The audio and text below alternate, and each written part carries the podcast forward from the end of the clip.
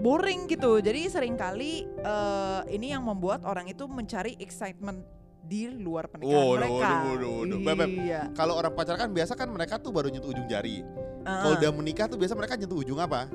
Oh enggak, ujung jari juga. Ah. Tetapi di dalam arena yang lain-lain. Bahaya ini. Loh, Bahaya ini kan? bener dong, iya Contoh. kan? Heeh, ujung jari buku-buku, ya kan? Bener. Uh, heeh, ujung jari kita punya otak. Atau Ih. ujung jari kaki juga bisa kan kita nggak tahu iya, kan sebenarnya. Iya, banyak.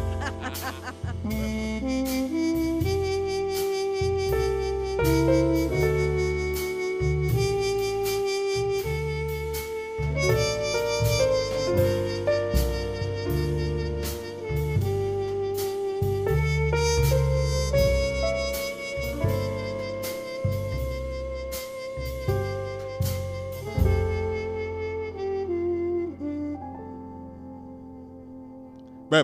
Ya, nah, kita nih kan kayaknya udah vakum dua minggu. ya, Nah, di dua minggu ini banyak yang nggak tahu bahwa kita tuh melakukan banyak perubahan. oh iya, Gitu. termasuk perubahan fisik ya Beb. ya? Betul. Perbaikan gizi gitu ya. Benar. Karena kalau teman-teman tahu, kalau kalian suka lihat di story-storynya si Budi, story gue, gue suka memposting bahwa mbak gue itu sebetulnya chef dalam diri Neni. Oh, wes. Jadi dia tuh kalau Panggilannya itu chef gitu. chef ya? di rumah, Heeh. chef tolong urus Ethan chef gitu. Iya. Jadi mbak kita ini suka banget masak ternyata. Iya. Dan dulu dia punya catering. Heeh. Jadi setiap minggu akhirnya kita lupa bikin podcast, kita biasa masak-masak sama dia dan menikmati makanannya kan. Betul. Dan Nah. sering kali saking nikmatnya jadi ketiduran. Jadi ketiduran. akhirnya nggak bikin podcast kan. Nah, kali ini Beb, kita bikin podcast yang judulnya apa Beb? Kunci pernikahan sukses. Ih, Luar biasa kan. Bayangin nih, kita menikah berapa tahun? Tiga setengah, Anak umur berapa? 8 bulan. Sombong sekali ya. Udah berani ngomong kunci pernikahan. Siapa lu? Kalau lu? kalau anak gitu ya tiga setengah tahun itu baru bisa ngomong tiga suku kata lu Ah, bayangin. Anak kita baru 8 bulan, udah sombong Iya. banget gitu ya. Sombong banget tuh mau ngomong kunci pernikahan sukses. Ini judul gua gak setuju sebenarnya. Oh, Tapi. Mandy itu pengen pakai judul ini. Bohong. Nah, teman-teman, sebelum kita bahas soal topik kita, Ya. Beb, sebutkan logonya Piloto. Sebutkan motonya Piloto. Oke. The secret of a happy marriage is not lack of love, Love. but lack of Friendship. friendship. Jadi buat kita, pernikahan yang nggak bahagia itu bukan karena mereka kekurangan cinta, tapi karena mereka kekurangan persahabatan.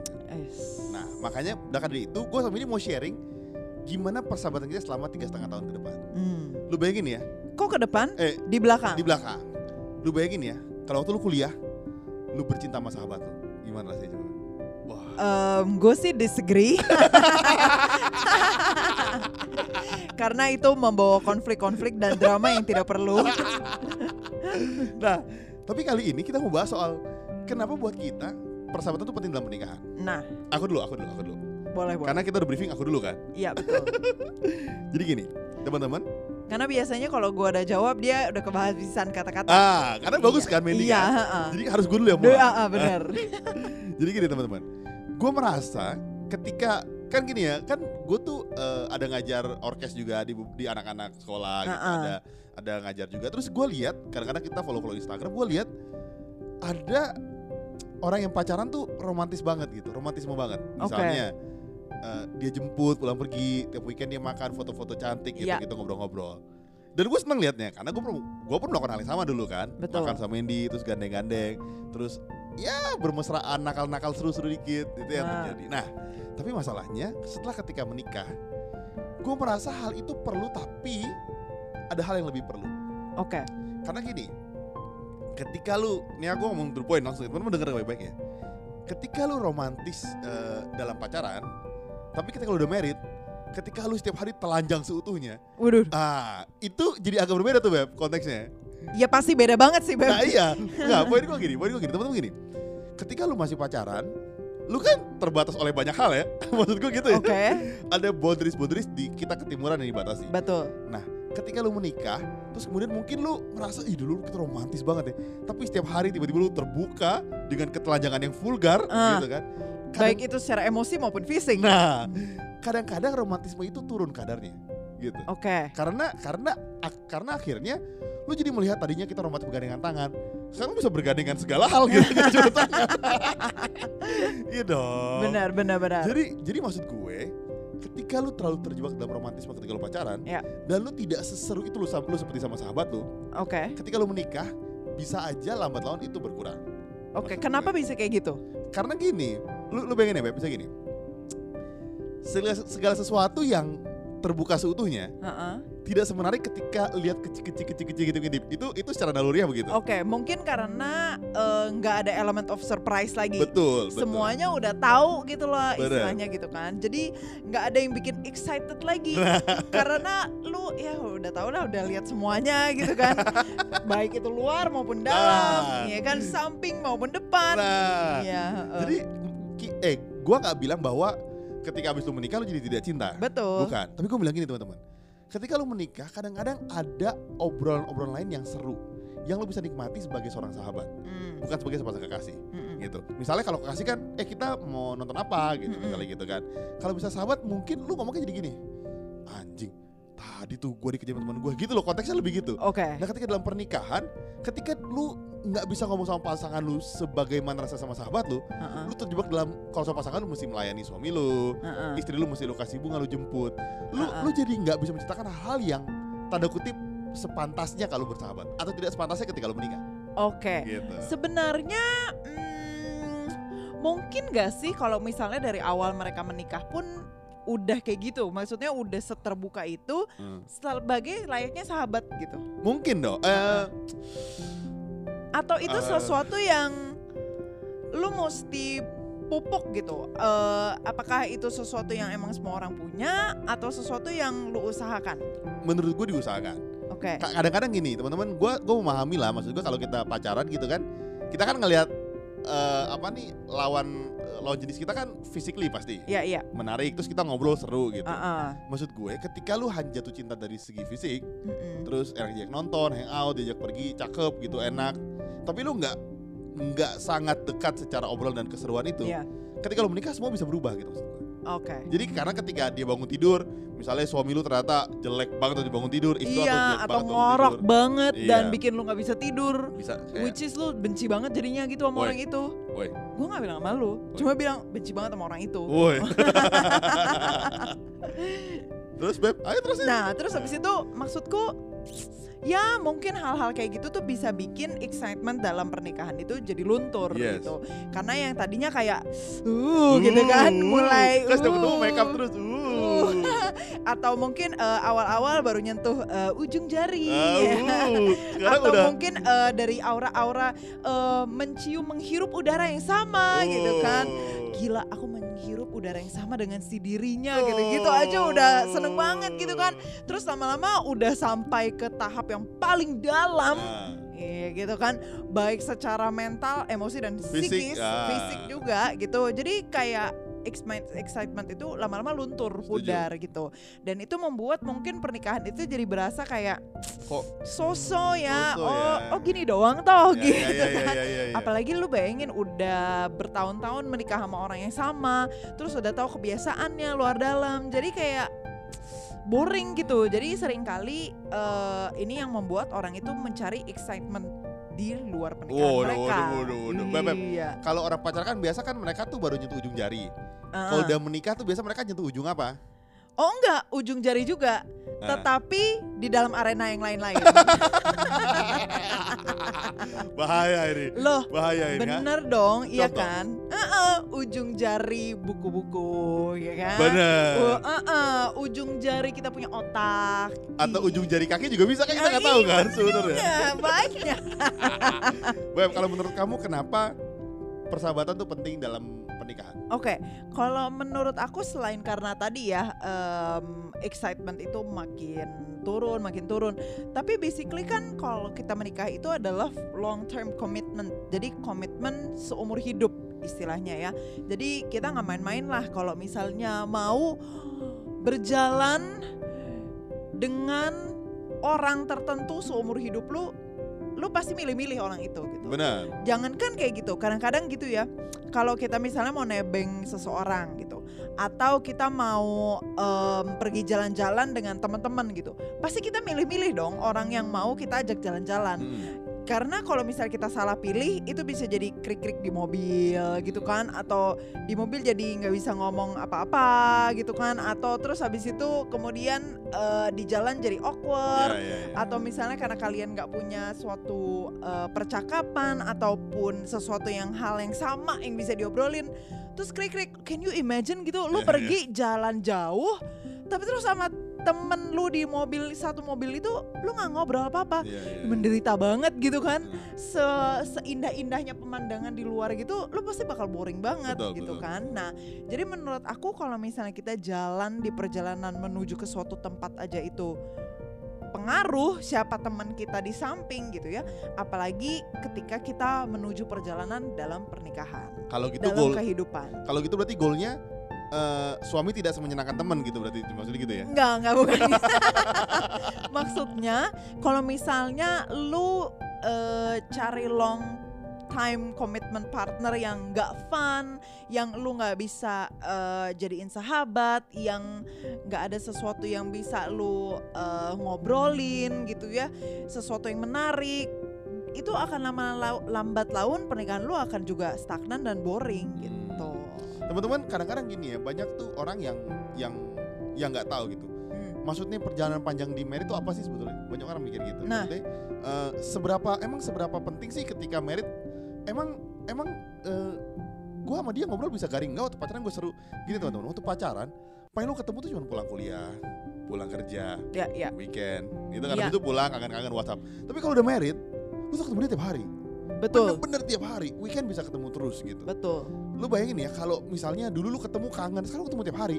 Rasa kangen lu bisa hilang. betul. Lu nggak tahu ada energi apa lagi untuk lu mau ketemu dia gitu. Betul, betul. Maksudnya kadang-kadang orang tuh nggak tahu Aduh, tapi gua kangen dia terus loh. Bisa bosan lu ketemu orang Iya, terus sebetulnya iya, gitu. benar, To be benar, honest, benar. apalagi lu di pandemi gitu ya. betul. Dulu kita suka dapat banyak email masuk, aduh di pandemi ini saya nggak pernah ketemu dia nih, kita garing nih, kita mau ketemu nih. Uh-uh. Nanti lu kalau pandemi udah merit, lu ketemu dia terus kan. 24 Nah, jam. Nah, I- itu yang kadang-kadang orang nggak tahu 24 jam tuh perjalanan yang panjang loh sehari lu Ah, ketemu dia terus betul. Kaliin berapa bulan Kaliin dan berapa sampai tahun. sekarang udah berapa tahun pandemi yes, gitu kan. maksudnya gitu Ba- banyak teman-teman kita yang weekend suka keluar Hmm. gitu mereka suka hangout eh hangout yuk hangout yuk gitu Uh-uh. gue juga suka hangout sebenarnya cuman karena bini gue suka marah-marah aja kalau hangout jadi gue gak hangout Bohong, bohong, Nah, pencemaran nama baik.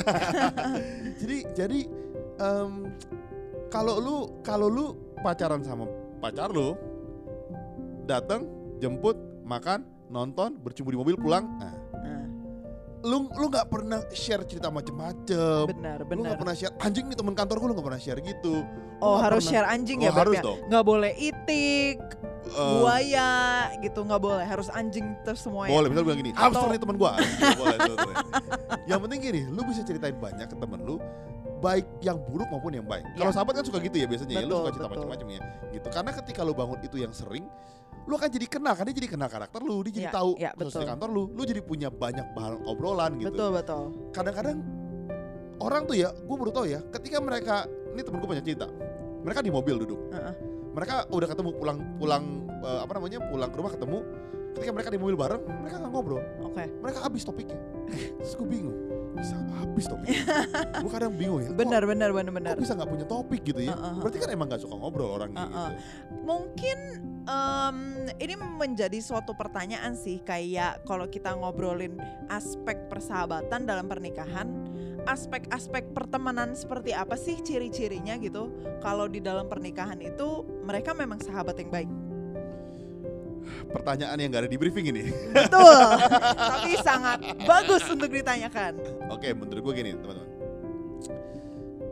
ketika lu terbiasa ketika lu punya temen yang seru gitu ya, Ya. lu punya pertemanan circle temen yang seru ya lu bayangin ya lu bayangin ya lu bisa nonton bokep sama temen-temen lu kan Oke. Nah. so, gua nggak bilang lu nonton bokep sama pasangan lu uh-uh. tapi gua mau bilang gini nggak ada hal yang tabu diomongin sama pasangan lu oke. lu bayangin ya lu bisa that's a- ngomong That's a good point. dari bokep lu bisa ngomong sampai sampai finansial bisa ngomong Oke. terus lu bisa ngomong gitu Betul betul. kalau lu nggak bisa ngomong bokep sama pasangan lu Oke. nggak nonton bokep sama pasangan lu lu berarti gak sedeketin sama sahabat lu. Iya I- dong. Oke, ini kayaknya Eh. gue kurang setuju karena maksudnya eh, secara eh, budaya gitu ya itu Eh. sesuatu yang kurang baik gitu ya untuk dibicarakan Enggak, di dalam kan- platform eh, public domain. Enggak, konteksnya bukan itu, konteksnya gini. Lu kalau lu masih bicara hal yang tabu sama pasangan lu, Heeh. berarti lu gak deket sama sahabat.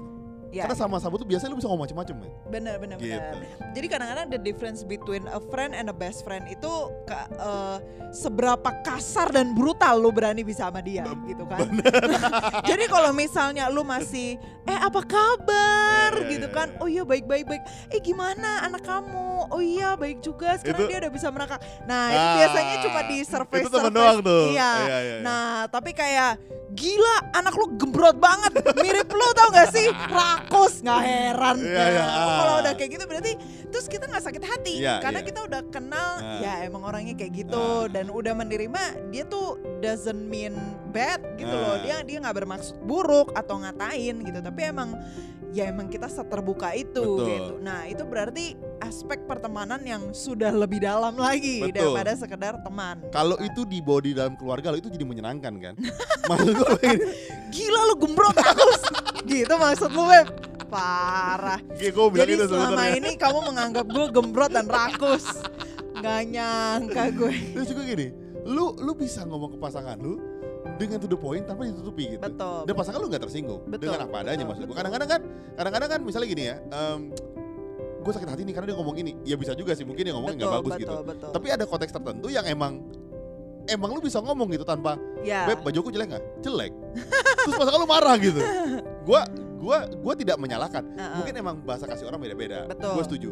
Tapi ada hal-hal yang lu tahu lah kalau sama sahabat tuh biasa aja lah. Emang dia emang jelek kok gitu. Gua ngerti kok. ya ya ya ya Gak ada pembelaan, gak ada apa dan itu very oke. Uh-uh. Makanya gue cuma bilang bahwa kalau itu terjadi di kehidupan pernikahan lo, Mm-mm. artinya lo memang udah menjalin persahabatan sama pasangan. Betul, betul. Nah, mungkin eh, back ke story kamu tentang orang bisa nggak ada topik karena mungkin mereka mengkotak-kotakan apa yang boleh dibicarakan sama pasangan apa sama yang enggak gitu. Karena mereka menganggap ada hal-hal private yang mereka nggak mau share, ada hal-hal tabu yang menurut mereka bisa membangkitkan keamarahan, ada hal-hal tertentu yang bikin eh, kita punya pasangan jadi sensitif banget gitu ya. Mungkin karena itu, jadi mereka membatasi, bayangin deh, kelompok-kelompok topik yang nggak mau diomongin itu dibatasi. Ah, iya. Jadi sehingga mereka bisa out of topic gitu, karena hati-hati banget Iya, iya, ketika iya. ngomong sama istri atau suami kita gitu. Sedangkan kalau misalnya emang kalian udah sedekat itu sama pasangan kalian seperti sahabat banget gitu, semua topik itu bisa jadi bahan obrolan Yes, gitu yes. ya. Dan lu Se- nggak ada yang lu ini. Seenak itu gitu, apalagi kalau misalnya lu bisa cerita tentang keadaan kantor lu gitu ya, bisa ngejulit bareng gitu kan terhadap eh, semua hal gitu, baik itu di kantor, di hal-hal pribadi, apa yang lu pikirkan terhadap orang lain. Dan itu I think yang membuat makanya orang bisa jadi sahabat deket di dalam pernikahan dan nggak mungkin jadi out of topic. Ada satu quotes menarik Beb, tentang persahabatan. Oke. True friends don't judge each other. Hmm. They judge other people together. Jadi kalau lu Benar juga. Iya dong. Bener. Iya dong kalau lu udah lu udah kejulit gitu bareng-bareng teman-teman lu, Iya. lu udah deket banget gitu artinya. Betul, betul. Temen pasangan lu tidak menghakimi lu Iya, iya bener, karena lu bener. ngejulitin dia, dia ikut ngejulit bersama kan? betul, Bisa betul, gitu sebetulnya. Betul, betul, Nah, nggak salah, nggak salah. jadi jadi teman-teman itu yang itu yang kalian mesti pikir di pernikahan Iya. kalian. betul, betul. Nah Beb, kayaknya nih eh, kita langsung masuk yang kedua soal gini. Oke. Kalau misalnya kamu Beb, kamu Beb, ini topik kamu Beb. Kok gue sih? Kenapa? Yang soal kadang-kadang kita tuh butuh tidak butuh kenyamanan. Beb. Oke, Nah. itu sebenarnya em, mirip kayak apa yang tadi aku bilang sih, bahwa kadang-kadang kita itu nggak nyari orang yang seberhati-hati itu sama kita gitu loh, yang mencoba supaya aduh jangan sampai dia marah, Jangan sampai aduh jangan terluka sampai gitu. hatinya terluka, Iya, jangan iya, sampai iya. dia sensi, terus Iya, dia iya. bete Iya, gitu iya. kan. Tapi kadang-kadang kita emang butuh orang-orang yang sampai seterbuka itu sampai sampai di atas ambang normal. Hmm, Oke. Heeh, melewati batas ambang wajar dan waras Hmm. menjadi tidak wajar dan tidak waras.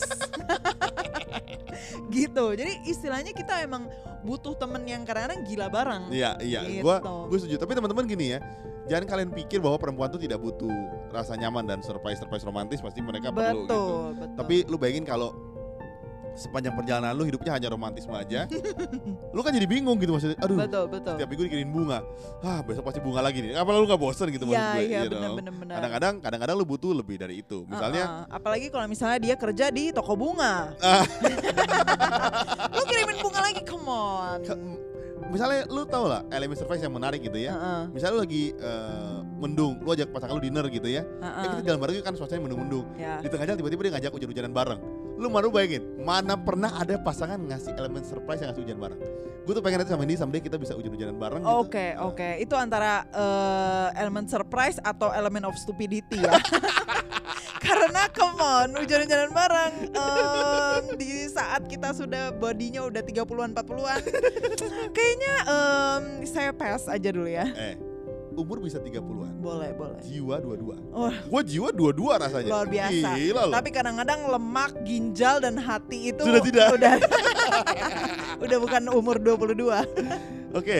Nah, teman-teman, sekarang kan pertanyaannya gini. Hmm. Gap gimana kalau seandainya dalam pernikahan itu gue kok nggak merasa bersahabat sama pasangan gue? Nah, What should they do, Beb? Kamu, Beb, jawab, Beb. ini dalam konteks orang yang udah menikah ya. Udah menikah? Oke, kalau misalnya em, udah menikah terus kayak merasa kok gue punya kehidupan sosok aja gitu ya di pernikahan. I think what you can do adalah untuk menggali lebih dalam hal-hal apa yang mungkin kalian punya kesamaan, kemiripan dan interest yang sebelum-sebelumnya belum ada Hmm. gitu ya. Em, itu bisa dilakukan dengan pertama lu banyakin ngobrol Hmm. Gitu ya. Jadi lu banyakin ngobrol ya cari tahu lah iseng-iseng dia suka apa sih dia suka apa. Em, atau mungkin ngelihat dia tuh kok gandrunginnya sukanya di game mulu gitu ya. Hmm. sukanya kok eh, main si apalah gitu ya Hmm. atau nonton ini terus nah lu cari tahu dan lu coba ikut ke dalamnya gitu see, ya itu good. itu cara pertama gitu jadi siapa tahu dari situ bisa mempererat kalian punya hubungan dan kemudian punya topik baru yang Hmm. bisa kalian bicarakan gitu kan hal kedua adalah ya kalian buat kesamaan itu dalam artian gini dulu aku pas di US itu eh, suka banget sama aku punya roommate eh, cewek eh, dari Nicaragua gitu ya nah terus kita itu suka banget pas makan siang atau makan malam gitu bareng-bareng ketika misalnya lagi bisa bareng gitu ya nonton satu episode eh, TV show di di Netflix Hmm. Nah, jadi kita janjian tuh, pokoknya nggak ada yang nonton duluan ya episode selanjutnya gitu. yeah. Nah, jadi pokoknya misalnya let's say kita nonton, eh mis, let's say gitu ya nonton Friends gitu, atau nonton Dokter. eh, Good Doctor misalnya gitu ya. Nah episode 1 ya kita nonton bareng, besoknya ya nonton episode 2 jadi sambil makan bareng. Nah dari situ tuh kemudian kita Muncul jadi bisa diskusi bareng-bareng gitu. Nah mungkin hal-hal kayak gitu yang bisa kalian lakukan bareng-bareng, mencari, mem, sorry, membuat kesamaan bareng. Entah itu kalian nonton bareng atau baca buku bersama satu buku gitu ya yang untuk didiskusikan bareng atau kalian cari hobi bareng entah itu bikin podcast lah, bikin keramik lah, bikin scarf kah gitu, apa pun gitu yang memang kalian berdua ternyata enjoy bareng. Nah itu bisa membuka eh, suatu area persahabatan baru di dalam pernikahan kalian. Oke, kalau dari gue yang terakhir sebetulnya coba lu yang mulai, lu cerita ke pasangan lu boundaries lu yang lu gak pernah ceritain. Dia kan Wow. jadi tahu gitu. Maksudnya ini ini hal yang gue gak pernah cerita, gue mau coba cerita deh gitu. Betul juga. Kadang-kadang kita tuh takut cerita karena kita takut dijudge sama pasangan kita. Benar, benar, benar, benar, benar. What That's if good. what if they don't? Ya. What if they they have the same feelings gitu? Ya. Kita kan pernah tahu. What if the one that blocks you is just your fear? Iya. Ya kan, ketakutan kita akan dijudge sama pasangan Betul, kita. betul. Jadi kadang-kadang kita takut untuk mulai, takut untuk cerita, akhirnya muncul batas itu sendiri sebetulnya. Betul. Makanya buat teman-teman yang merasa aduh kok gue gini ya, coba deh lu yang mulai untuk cerita kendala lu, apa yang lu alami, lu cerita. Ya, jadi akhirnya ya. pasangan lu jadi appreciate kan. Ternyata Ya. tiba-tiba lu juga cerita banyak hal, tiba-tiba lu jadi become a best friend. Iya, iya, iya, iya. That's good point. Gila gue gak Keren. nyangka suami gue pinter juga bagus nih endingnya. Nah ya, gue yang nutup kan? Biasanya gue iya. pernah nutup kan ini? Jadi buat teman-teman yang mau DM DM kita bisa DM ke? At pilotok.podcast atau kalian bisa email kita ke pilotokpodcast.id at gmail.com yes. Jadi sampai situ aja. Sampai ketemu minggu depan. See ya. Kalian tahu nggak sih rahasia bagaimana kita berdua bisa bikin konten setiap minggunya secara rutin? Ternyata rahasianya ada di Nasi Padang. Jadi, gengs, tiap kali si Budi itu makan Nasi Padang. dia punya kemampuan berpikir dan kreatif itu semakin meningkat. Jadi, kalau kalian mau beliin kita, Nasi Padang. boleh ke karyakarsa.com slash ID. Tenang aja, aku kalau nasi padang tuh murah kok. Nasi, sayur sama kuah, paling 10 ribu. Iya, karena kemampuan perut Budi akan bertambah dengan cepat kalau dia makan karbohidrat aja. Jadi, jangan lupa ke karyakarsa.com slash pilotokid untuk support kita ya.